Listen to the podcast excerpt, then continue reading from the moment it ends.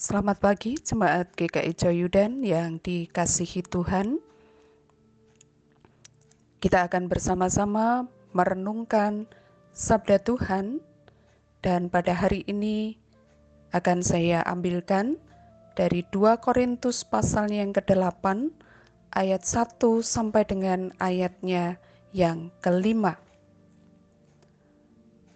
Saudara-saudara, kami hendak memberitahukan kepada kamu tentang kasih karunia yang dianugerahkan kepada jemaat-jemaat di Makedonia. Selagi dicobai dengan berat dalam pelbagai penderitaan, sukacita mereka meluap, dan meskipun mereka sangat miskin, namun mereka kaya dalam kemurahan. Aku bersaksi bahwa mereka telah memberikan menurut kemampuan mereka, bahkan melampaui kemampuan mereka. Dengan kerelaan sendiri, mereka meminta dan mendesak kepada kami supaya mereka juga beroleh kasih karunia untuk mengambil bagian dalam pelayanan kepada orang-orang kudus. Mereka memberikan lebih banyak daripada yang kami harapkan mereka memberikan diri mereka pertama-tama kepada Allah, kemudian oleh karena kehendak Allah juga kepada kami. Firman Tuhan pada hari ini kita akan bersama renungkan melalui sebuah tema pemberian dalam keterbatasan. Bapak, Ibu, dan saudara yang dikasihi Tuhan, bagi sebagian orang, memberi bukan perkara yang sukar. Tentu dengan alasannya masing-masing. Ada yang senang untuk memberi dan berbagi karena menyadari bahwa yang ada dalam hidupnya adalah juga pemberian Allah, berkat Allah, sehingga orang itu pun suka untuk berbagi dengan sesamanya. Ada juga yang senang memberi karena memang ada yang diberikan. Hidup dalam kelimpahan, tak pernah kekurangan, jadi tidak sukar untuk berbagi dengan yang lain.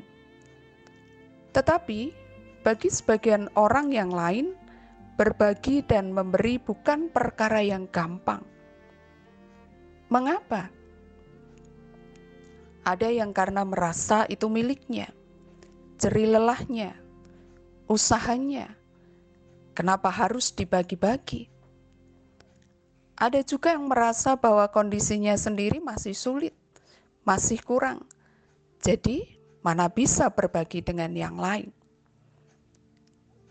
Saudara Rasul Paulus memberikan kesaksian tentang pelayanan kasih yang dilakukan oleh jemaat di Makedonia. Di tengah keterbatasan mereka secara materi, Rasul Paulus menyebut meskipun mereka miskin pada ayat 2. Ditambah lagi dengan situasi dan kondisi hidup yang juga tidak mudah yang disebutkan oleh Rasul Paulus selagi dicobai dengan berat dalam pelbagai penderitaan. Tetapi jemaat di Makedonia tetap menyatakan pelayanan kasih mereka kepada orang-orang percaya yang ada di Yerusalem. Kondisi dan situasi yang sedang mereka alami tidak ringan.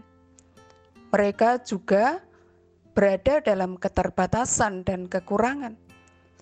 Tetapi pemberian mereka di luar apa yang dipikirkan oleh Paulus. Mereka memberikan melampaui kemampuan mereka. Tidak ada yang memaksa untuk mereka memberi, untuk mereka berbagi, tetapi dengan kerelaan sendiri mereka memberikan bantuan. Bagaimana hal itu bisa dilakukan di tengah situasi dan kondisi yang sulit? Dalam ayat 5b, Paulus mengatakan, mereka memberikan diri mereka pertama-tama kepada Allah, kemudian oleh karena kehendak Allah juga kepada kami. Jemaat di Makedonia, sekalipun dalam keterbatasan, dalam kemiskinan, dan dalam pelbagai penderitaan, tetapi tetap memiliki hati untuk berbagi dengan sesama, karena pertama-tama mereka telah memberi diri mereka kepada Allah, dan mereka mewujudkannya dengan mereka memberi untuk sesama. Kesulitan tak mampu menghalangi mereka untuk tidak berbagi. Kemiskinan tak mampu menghalangi mereka untuk tidak mewujudkan kasih. Firman Tuhan ini mengingatkan kepada kita, apakah kita sudah memberi diri kita kepada Allah, sehingga kita juga dimampukan untuk memberi bagi sesama.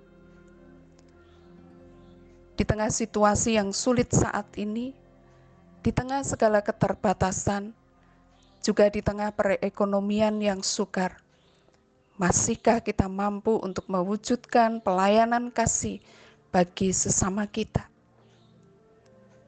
Kiranya teladan jemaat di Makedonia ini memotivasi kita semua untuk kita mewujudkan pelayanan kasih bagi sesama dalam segala keterbatasan dan pergumulan kita juga.